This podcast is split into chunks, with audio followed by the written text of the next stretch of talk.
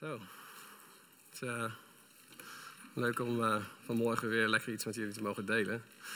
Uh, we hebben net eigenlijk een paar hele mooie liederen gezongen over het, ja, het vaderhart van God. En ik realiseer me zo dat, dat als we, als we ja, God als vader zien, daar hebben we altijd wel een soort van plaatje bij, idee bij. Uh, of we spiegelen, of we kijken naar onze eigen vader. Uh, maar dan wijkt hij er over het algemeen niet heel goed van af. Um, en dan denken we van ja, ja, als dat nou ook God de Vader is, dan, valt God de Vader toch wel enorm tegen eigenlijk. um, en als we dan uiteindelijk ja, toch wel een soort van oké okay, godsbeeld hebben, dan is het toch nog van een, een God, van een vader die behoorlijk afstandelijk eigenlijk is. En um, ik weet niet of jullie dat uh, ook hebben, of dat ik misschien de enige ben.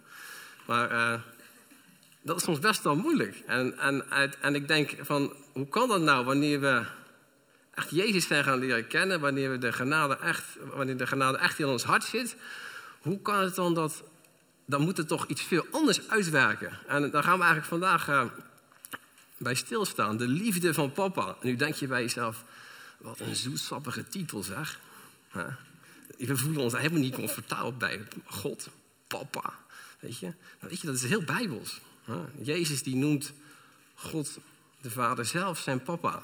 En in Romeinen, wat we zo meteen gaan lezen, een soort van climax van Romeinen 8 vers 1, dat we juist, doordat we geen veroordeling meer voelen, dat we juist God mogen gaan zien en God mogen gaan kennen en ervaren als onze papa. Weet je, dat, is heel, dat klinkt heel intiem. En ik denk dat, we, dat God dat ook wil laten zien deze, deze ochtend. God wil juist die intimiteit met ons. Wij hebben daar heel veel behoefte aan op een of andere manier. Maar weet je, dat is ook wat God wil. Het is niet dat wij daarvoor hoeven te strijden, dat we, dat we uiteindelijk die, die aandacht van hem moeten verdienen. Je, je kent dat wel, een, een, een, vader die, die thuis komt en de krant openslaat en, uh, en, en, en, dan heel erg druk bezig is. En, uh, en, en, en, misschien kinderen die, die iets zitten te roepen en te schreeuwen. En, en papa heeft helemaal geen aandacht voor. Weet je, maar dat is, niet, dat is niet wie God is. God is juist een God van liefde die alle aandacht, die alle focus op jou wil hebben. Die heeft geen tijd nodig voor zichzelf. Het enige waar zijn verlangen naar uitgaat, is die diepe, intieme, warme band met jou en met mij. En weet je, dat geeft ook iets aan als we aan God als papa denken, daar voel je je veilig bij. En wat is nou die sleutel tot die veiligheid? Wat is nou de sleutel tot die geborgenheid? En ik hoop dat je daar deze ochtend echt voor jezelf een paar antwoorden op vindt. Want ik denk, wanneer je in de genade leeft, wanneer je vrij van oordeel bent, maar het resulteert uiteindelijk niet in die diepe warme band die jij en ik mogen hebben met God de Vader als onze liefhebbende papa, dan bereikt het toch niet het doel wat God daar uiteindelijk mee voor ogen heeft. We gaan een, uh, een stukje lezen uit uh, Romeinen 8. Daar staat, u bent niet in het vlees, maar u bent in de geest, wanneer althans de geest van God in u woont. Maar als iemand de geest van Christus niet heeft, die is niet van hem. Heel veel dingen in Romeinen ben ik achtergekomen. Als je die vers voor vers leest, en dan één vers en dan de dag daarna weer een vers, dan kan je uit elk vers kan je toch een soort van oordeel halen. Hm? Dan denk je toch van, ja, maar weet je, als iemand de geest van Christus niet heeft, die is niet van hem. En nu zie ik jullie allemaal denken: heb ik de geest van Christus? Heb ik de geest van Christus niet? Dan ben ik niet van hem. Heb ik hem wel? Heb ik hem nou niet? Maar weet je, Paulus, die zegt niet zomaar iets. Die maakt hier een statement. Hij zegt: U bent niet in het vlees, maar u bent in de geest. Het is geen twijfel die hij probeert te zaaien. Hij probeert juist jou en mij die zekerheid te geven wanneer je niet onder oordeel valt. Wanneer Jezus Christus alles voor je heeft gedaan, dat je dus niet in het vlees wandelt. hoeven niet nu allemaal te gaan navelstaren en denken van, ja maar nee. Paulus zegt, Jezus zegt, jij bent niet meer in het vlees. Punt uit.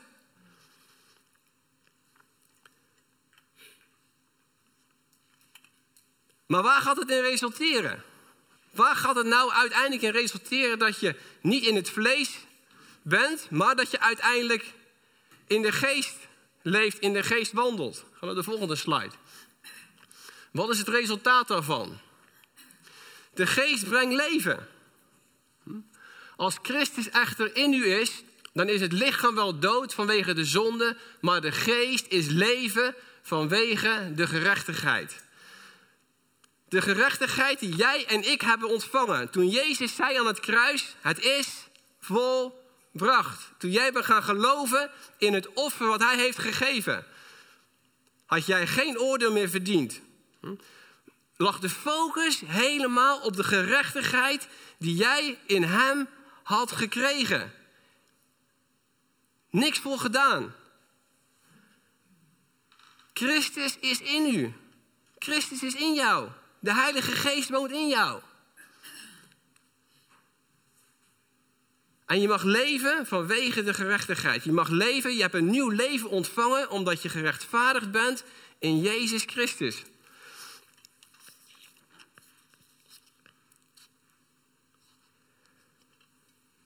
Maar je denkt van, dat ervaar ik niet. Is het wel zo? Is dat wel een realiteit in mijn leven?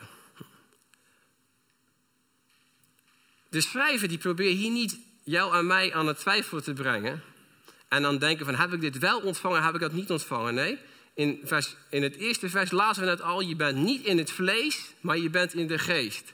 En hier ligt de focus helemaal op de gerechtigheid die jij hebt ontvangen in Jezus Christus. Een gerechtigheid die je niet zelf kan bewerken. Een gerechtigheid die je uit genade moet krijgen. Die je uit genade moet ontvangen. En dat vinden wij soms mensen misschien best wel eens, uh, best wel eens moeilijk. Want wij vinden het heel moeilijk om iets te ontvangen. Maar die gerechtigheid die heb je gekregen in Christus. Toen Jezus is gestorven voor jouw zonde, ben je met Christus gestorven. En je bent met Christus weer opgestaan tot een nieuw leven. En dat nieuwe leven, dat heb je ontvangen. Dat is een cadeau van God. Wat is die impact van die gerechtigheid in het leven van jou en mij? Hm? Als we kijken, dan wordt die gerechtigheid heel vaak uitgelegd als een gerechtigheid die je nu praktisch moet gaan maken in je leven. Hm? Maar de Bijbel spreekt over de toegerekende gerechtigheid. Elke keer wanneer je gerechtigheid in de Bijbel tegenkomt, dan denk je van ja, ja, ik ben niet rechtvaardig. Nee, die gerechtigheid, zo handel en wandel ik niet altijd. Maar het is juist het idee dat wanneer jij wandelt in die gerechtigheid, dat wanneer jij wandelt in die rechtvaardigheid, dat die rechtvaardigheid ook gestalte gaat krijgen in je leven. Hm? En dat is niet je eigen werk, dat is het werk van Christus. Omdat jij gelooft dat wat Hij voor jou heeft gedaan, wat Hij heeft bewerkstelligd voor jou, ook voor jou is. En dat jij het hebt ontvangen. Wij mogen vrij zijn van oordeel. En ik geloof ook dat wanneer wij in die gerechtigheid leven, wanneer wij in die gerechtigheid wandelen, wanneer wij die gerechtigheid geloven, staat hier hè, dan is uw lichaam wel dood vanwege de zonde, maar de geest is leven vanwege de gerechtigheid. Jouw geest komt tot leven. Hm? Jouw geweten, jouw gedachten worden gezuiverd. Hm? Ik denk als er iets is waar wij als mensen mee worstelen, dat is het wel de aanklachten en de aantijgingen van de Satan. Jij verdient het niet. Je bent niet goed genoeg. Hm? En soms komen we als mensen niet uit die worsteling. En blijven daar ons hele leven in, in ja, een soort van visueuze cirkel in ronddraaien. Terwijl dat Jezus zegt, het is juist door die gerechtigheid die jij hebt ontvangen in mij, dat je uit die visueuze cirkel mag komen. En dat jij verandering mag gaan zien in je eigen leven. Volgende, volgende slide. Vrijheid van oordeel. Ik geloof dat het jou en mij geestelijk en lichamelijk gezond kan maken. Hm? Weet je, dat heeft zo'n enorme, enerzijds, oordeel, negatieve impact op een mens. Kan je je voorstellen wat er vrijkomt voor kracht als dat oordeel en dat schuld in Christus is gedragen en als dat van bij jou wordt weggenomen?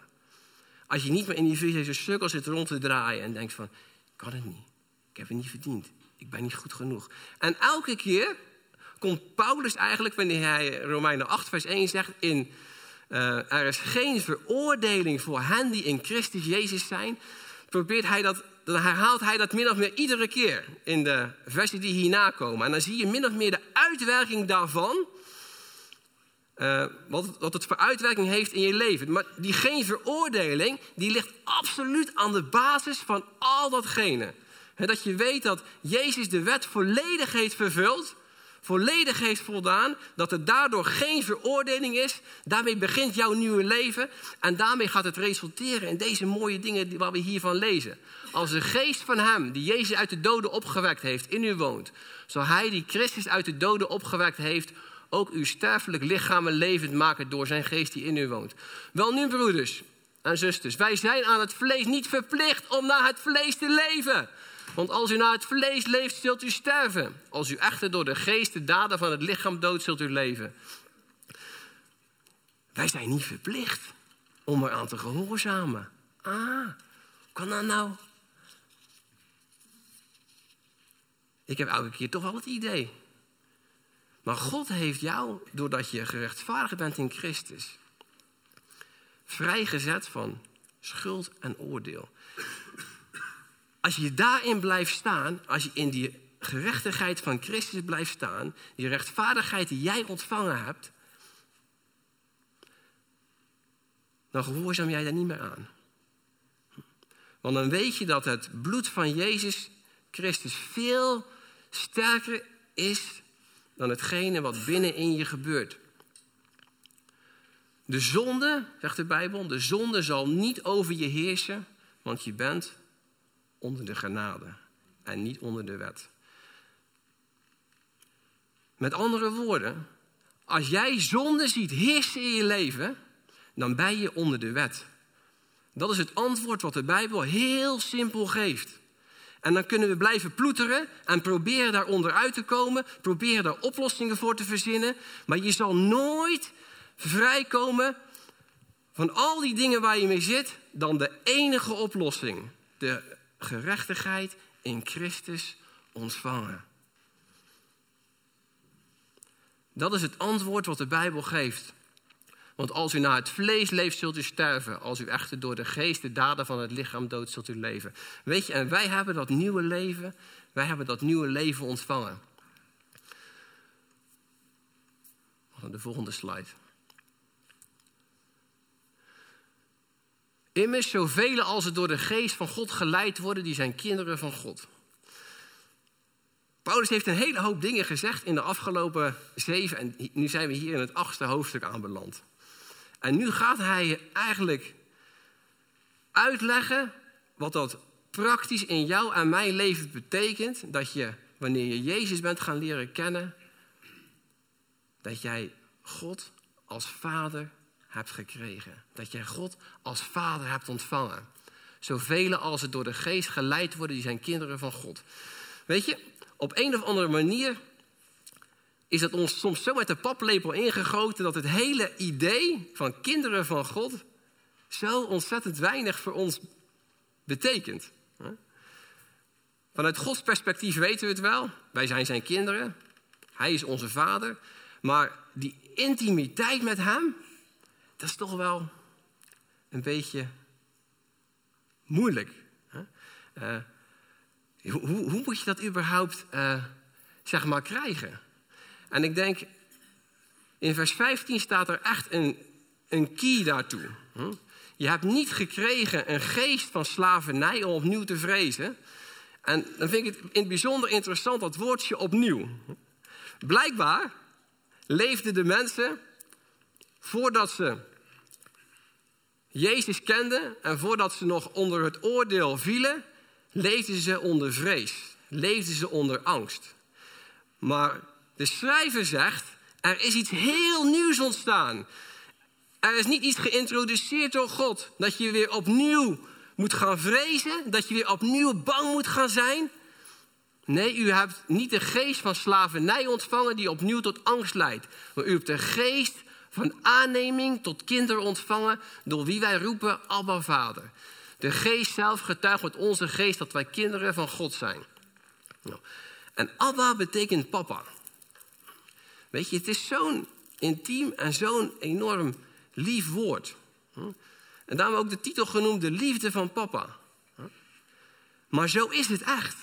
Die, dat is echt het, het, het, eh, de manier hoe God de relatie met jou en mij wil omschrijven. Gaan we terug naar het Oude Testament. En dan gaan we even kijken hoe mensen daar zeg maar, hun relatie met God ervaren. Het eerste gebod zegt dat we de naam van God niet ijdel moeten gebruiken. Wat deden de Joden in het Oude Testament? Zij mochten de naam van God, Yahweh, lazen ze nooit. Als zij Yahweh tegenkwamen in de Bijbel, dan lazen ze Adonai. Zie je het grote contrast? Enerzijds in het Oude Testament, waar ze de naam van God nog niet mogen noemen, waar ze hem nog geen eens bij zijn naam mogen noemen. In het Nieuwe Testament, doordat we niet meer onder oordeel hoeven te vallen en jij de gerechtigheid hebt ontvangen in Christus, is God je vader geworden en ook nog je papa. Die was voor de Joden iets wat zij absoluut niet begrepen. Nu kan je misschien ook voorstellen, toen Jezus zei van, bid al zo, onze Vader die in de hemelen zijt.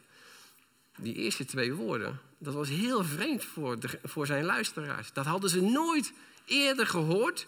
Dat idee hadden ze nooit ergens anders van vandaan gehad. Maar God Jezus die komt daar al met het, met, met, om een plaatje te schetsen van de relatie die God met zijn kinderen wil. Hm? Dat vind ik zo mooi. Er is zo'n groot verschil als we kijken naar het oude verbond en als we kijken naar het nieuwe verbond. Maar het zou heel goed kunnen zijn dat je jezelf ergens hier in het midden voelt. Hm? Maar uiteindelijk wil God juist dat we datgene gaan geloven, dat we datgene in ons leven echt gaan ervaren, hoe Hij het echt heeft bedoeld. Dus als Hij zegt, jij bent als kind aangenomen en jij mag roepen, Abba, Vader. De geest zelf getuigt met onze geest dat wij kinderen zijn. Ik heb er in mijn leven best wel mee geworsteld. Ben ik een kind van God? In mijn gedachten zei ik, ik ben niet goed genoeg. Ik moet nog heel veel dingen beleiden voordat ik dat misschien wel ga ervaren. En weet je, dan dacht ik ook nog dat er geest bepaalde dingen tegen mij zei. Ja, Johannes, je moet dit nog doen. Je moet dat nog rechtzetten. Je moet dat nog beleiden. Je moet daar en daar nog in veranderen, want je bent nog zo vleeselijk. Maar dat is niet het werk van de Heilige Geest, lieve mensen.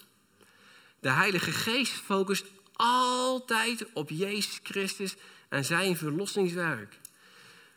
Dus als jij dit niet ervaart en als je denkt van, ik wil God zo graag als mijn vader ervaren, ik wil hem zo graag als mijn papa zien, waar ik letterlijk echt als het ware bij op schoot kan zitten. Ken je de intimiteit die je, die je kan hebben met je kind? Hm? Wanneer je kind huilt, dat je het beet houdt. Dat je het knuffelt. Dat je het aandacht geeft. Wanneer het kind worstelt, dat je het goede woorden tot hem spreekt. Wanneer je kind misschien weinig gevoel van eigenwaarde heeft en denkt van ik doe het altijd fout. Wat ben jij dan als vader, als moeder? Zeg je dan van ja, leeft er inderdaad Leek nergens op. Klopt, je moet het beter doen. Doe dan beter je best. Of zeg je dan van, ja weet je, het is goed. Je hebt toch je best gedaan. Ik heb gezien hoe, uh, hoeveel energie je erin hebt gestoken. Dan probeer je dat toch aan te moedigen. Dat is een vader. Dat is de vader die jij en ik mogen hebben. Niet een vader die zegt van, kan het niet beter? Die acht tot negen moeten zijn. Nee, dat is niet de God en Vader die Jezus komt presenteren aan jou en aan mij. Maar dat is heel mooi. De Heilige Geest getuigt dus met jouw geest dat jij een kind van God bent. De Heilige Geest die woont in je toen je tot geloof bent gekomen. En die gaat tegen jouw geest zeggen, weet je, jij bent een kind van God. Jij mag er zijn. Jij doet het toe. Als je andere dingen hoort van de geest. Als je denkt dat de geest zegt van. Ja, was niet zo goed hè vandaag. Je moet nog wat zonde beleiden. En dan, en dan ga je dat vaderschap van God weer echt in zijn volheid ervaren. Weet je wat dat is?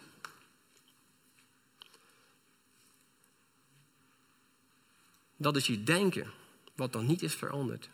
Want de Bijbel zegt dat wij een schoon geweten zullen krijgen in Christus.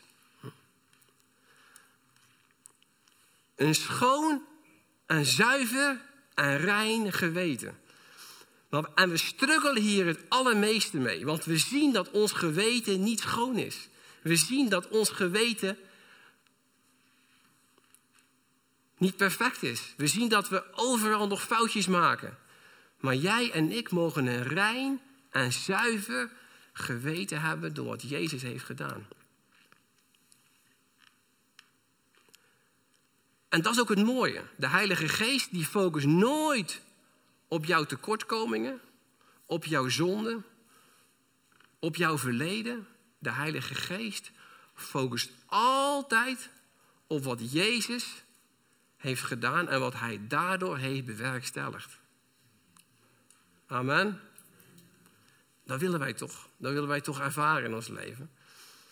Als God het zo bedoeld heeft, dat we een rein en zuiver geweten zouden krijgen in Christus dan mogen we dat ontvangen. Hoeven we niet voor te werken. Mogen we helemaal uit genade ontvangen. En dat heilige, reine en zuiver geweten, waar vindt dat zijn oorsprong? In de gerechtigheid die jij hebt ontvangen in Jezus Christus. Waardoor er geen oordeel meer over jou uitgesproken zal worden. We gaan naar het volgende vers. Ben ik wel een rechtvaardig kind van God? Of heb ik het mezelf toegeëigend? Hm? Heb ik er wel recht op? Of beeld ik me maar iets in? Hm? Johannes 1 zegt, alle die hem aangenomen hebben, hun heeft hij macht, hun heeft hij het recht gegeven kinderen van God te worden. Namelijk die in zijn naam geloven. Dus wanneer jij gelooft in wat Jezus heeft gedaan voor jou. Daarmee ben jij een rechtmatig kind van God geworden. God heeft geen hele waslijst die daar nog bij hoort. God kijkt alleen maar, geloof jij, in datgene, in de oplossing die ik heb gegeven neem jij die oplossing, neem jij die redding door Jezus Christus aan. En daarmee ben jij een rechtmatig kind van God. Hm? Er hoeven nooit twijfels over te zijn. Hm? God zal nooit zeggen van, geloof je dat wel goed? Geloof je dat nou echt? Hm? Nee. Wanneer jij gelooft in Jezus, als jouw verlosser en als jouw redder, dan ben jij een rechtmatig kind van God. En heeft Hij jou ook de macht gegeven dit te worden. En dit ook uit te spreken. Ik ben een kind van God. God heeft mij lief.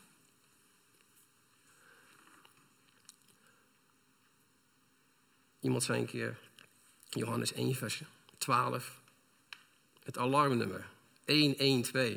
Hm? Alle die hem aangenomen hebben, heeft hij macht gegeven. Kinderen van God te worden.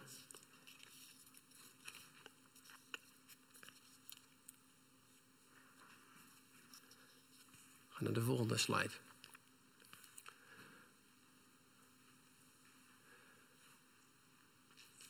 Maar nu vraag je je af, wie is nou die vader? Hoe ziet die God er nou uit? Dat was ook een vraag die de discipelen stelden aan Jezus. Dat ze zeiden van, wie, wie is hij dan? Wat voor karakter heeft hij dan? Hoe, hoe zou u hem het beste kunnen omschrijven? En dan geeft Jezus dit antwoord. Jezus zei tegen hem: Ik ben de weg, de waarheid en het leven. Niemand komt tot de Vader dan door mij. Als u mij gekend had, zou u ook mijn Vader gekend hebben. En vanaf nu af kent u hem en hebt u hem gezien. Jezus zegt: Als je mij hebt gezien, dan heb je de Vader gezien.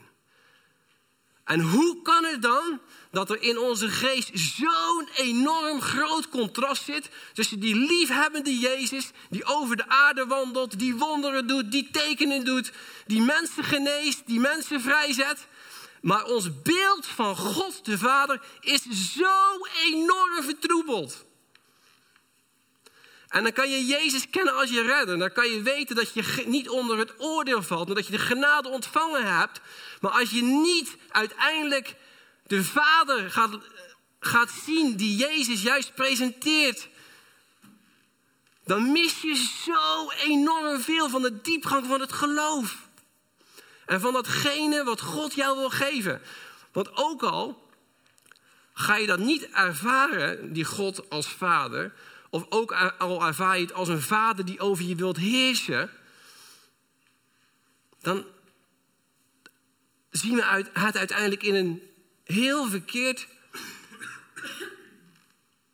perspectief, een heel verkeerd daglicht. Enerzijds Jezus als redder, dat Hij alles voor ons heeft gedaan. En aan de andere kant God als vader die altijd maar toornig blijft, waarvoor je het nooit goed genoeg doet. Waar zit nou het probleem? Hm? Dat we zo'n geweldig mooi plaatje, mooi beeld van Jezus kunnen hebben als onze redder en als onze verlosser. Maar tegelijkertijd, God als vader, weet je, dat is echt een brug te ver. Hoe komt dat? Waar zit het? Waar zit het probleem? Ik denk dat het echt komt doordat we niet diep genoeg geworteld zijn in de genade. Dat er heel vaak nog dingen in ons leven kunnen zijn, dat we nog dingen kunnen horen waardoor we gaan twijfelen. De wet wekt de zonde op, zegt de Bijbel. Als we vaak de wet tot ons nemen als onze tuchtmeester, dan zullen we God altijd verkeerd blijven zien. Dan zullen we nooit in onze geest vernieuwd worden dat Hij een liefdevolle Vader is. En ik weet dat we er allemaal zo enorm naar verlangen. In ons hoofd weten we het.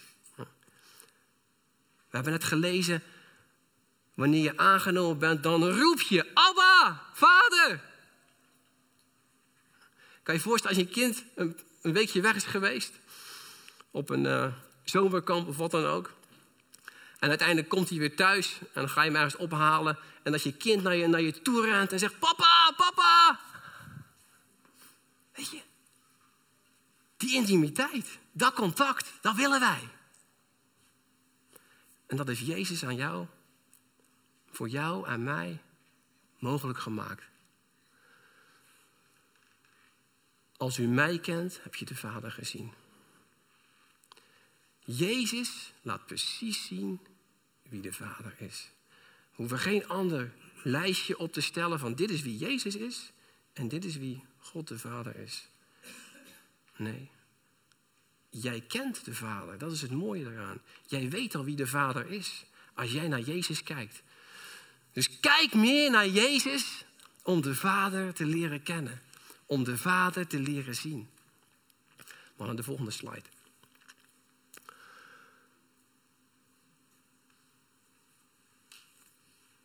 Door Jezus lijden heb je de allerbeste papa in de wereld gekregen.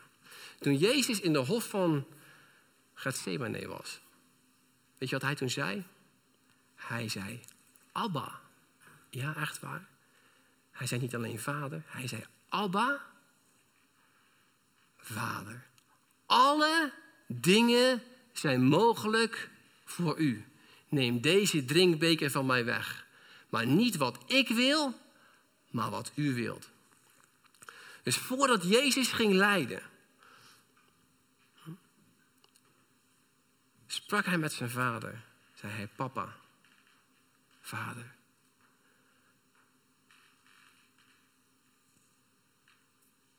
Neem deze drinkbeker van mij weg. Die drinkbeker staat voor het lijden wat Jezus zou ondergaan.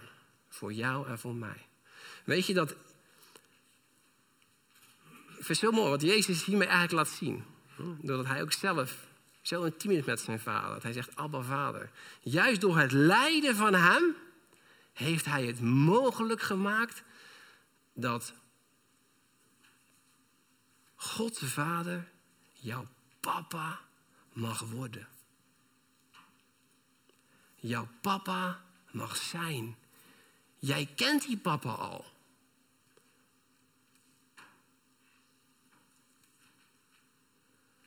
Jezus lijden geeft je de allerbeste papa. Door zijn lijden heb je de beste vader gekregen. Heb je de beste vader ontvangen. Een vader die van je houdt. Een vader die om je geeft. Een vader die intiem met jou wil zijn. Een vader die jouw gevoelens kent. Een vader die niet over je heen walst. Een vader die geïnteresseerd is in je. mogen naar de volgende slide.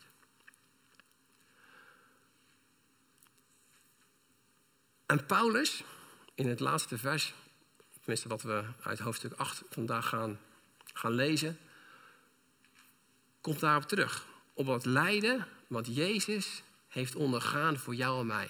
Hij zegt, als wij kinderen zijn, dan zijn wij ook erfgenamen. Hier pakt hij het uit. Eigenlijk, als je een kind bent, wat zijn dan je credentials? Wat heb je daar, daarmee zeg maar ontvangen? Daarmee ben je een erfgenaam geworden van God. En mede erfgenamen van Christus. Wanneer wij althans met hem lijden, opdat wij met hem verheerlijkt worden. En dat laatste zinnetje, daar moeten we even bij, even bij stilstaan. Want wij kunnen denken, oké, wij worden dus een erfgenaam als wij met hem lijden. Dus hoe meer lijden, hoe betere erfgenaam wij worden. Wanneer je dat gelooft, en dat geloven heel veel mensen, ga je nooit die vader als papa zien. Ga je nooit vrijkomen van het oordeel wat in je leeft. Waar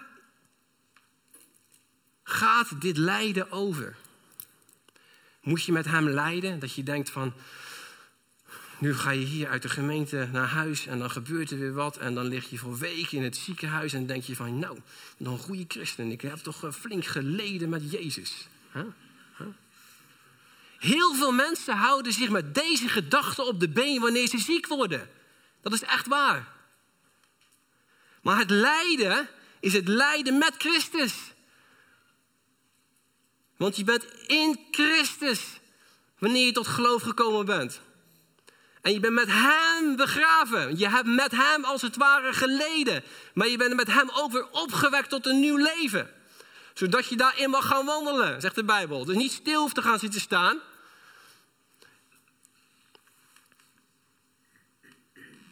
En dat is het mooie. De focus ligt weer helemaal op Jezus. De focus ligt niet op jou en mijn lijden. De focus ligt op het lijden van Jezus Christus. En dat Hij door dat lijden, doordat Hij voor jou heeft geleden, jou als het ware gepresenteerd heeft bij zijn vader. Ik vind het zo mooi in het vers wat we net lazen stond, de mede-erfgename. Weet je, ik, als het ware, wij zijn samen met Jezus zijn we erfgenamen van God. Maar met Jezus zijn we mede-erfgenamen.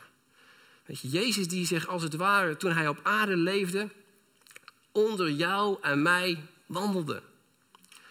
Je moet het zo zien. Dat Jezus als het ware hier staat en dat hij mensen brengt aan de hand. Heer God, Vader, Abba, dit zijn de kinderen van u. Dit zijn uw kinderen.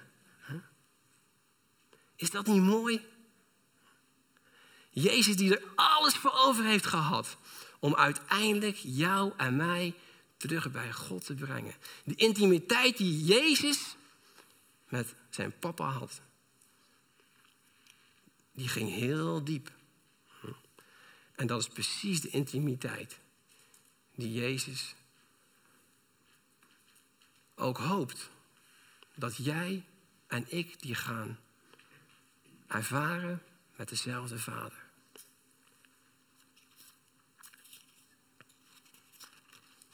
Je bent een erfgenaam. Oeh, daar was ik al een beetje bang voor. Maar dat geeft helemaal niks.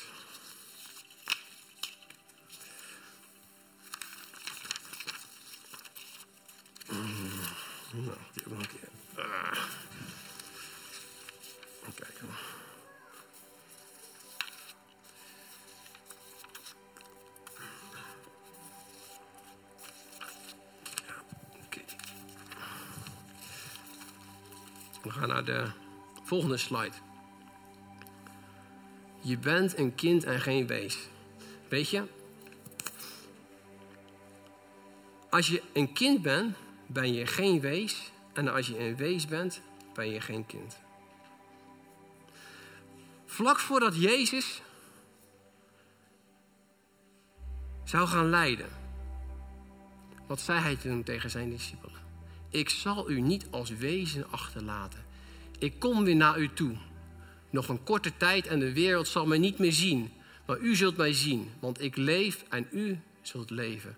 Op die dag zult u inzien dat ik in mijn Vader ben. En u in mij en ik in u. Hoeveel van ons voelen zich soms een wees? Voelen zich soms als het ware verlaten. Disconnected van de Vader. En wanneer je een wees bent, dan denk je misschien dat je heel, dan probeer je misschien alsnog een kind van God te worden door allerlei dingen te doen. Zodat hij uiteindelijk zal zeggen, ja maar nu mag je ook mijn kind worden. Maar Jezus zegt, ik zal je niet als wezen achterlaten. Wij kunnen soms leven met een mentaliteit van een wees. Terwijl dat God wil dat wij de mentaliteit krijgen, het geloof van dat we kinderen van God zijn geworden. Een wees leeft onder angst. Hm? Een wees leeft onder slavernij. Een wees kent zijn vader niet. Maar Jezus zegt, jullie hebben een vader. Jullie zijn kinderen geworden. Dat is toch iets wat wij allemaal willen. Dat is toch iets wat wij in ons diepste wezen allemaal willen ervaren, willen gaan ontdekken. Die band met die vader. Die band met die vader die van je houdt. Die onvoorwaardelijke liefde aan jou wil geven iedere dag. En we willen samen een moment nemen. Er kunnen heel veel dingen in je leven zijn die jou belemmeren om dit uiteindelijk te ervaren in je, in je leven. En eigenlijk ligt de oplossing allemaal in Jezus, Christus en zijn verlossingswerk. En datgene wat Hij voor jou heeft gedaan. Dat jij een kind mag zijn. Dat je mag weten, ik heb een vader. Ik heb niet zomaar een vader, ik heb de papa. De beste papa van de hele wereld. En we willen een moment nemen met elkaar om God te aanbidden, maar ook aan de zijkant willen we tijd hebben voor gebed. Als jij voelt dat je dat geweldige, volle evangelie niet kan pakken, dat je nog zoveel oordeel in je leven voelt en ervaart, kom dan zometeen gewoon naar de zijkant toe.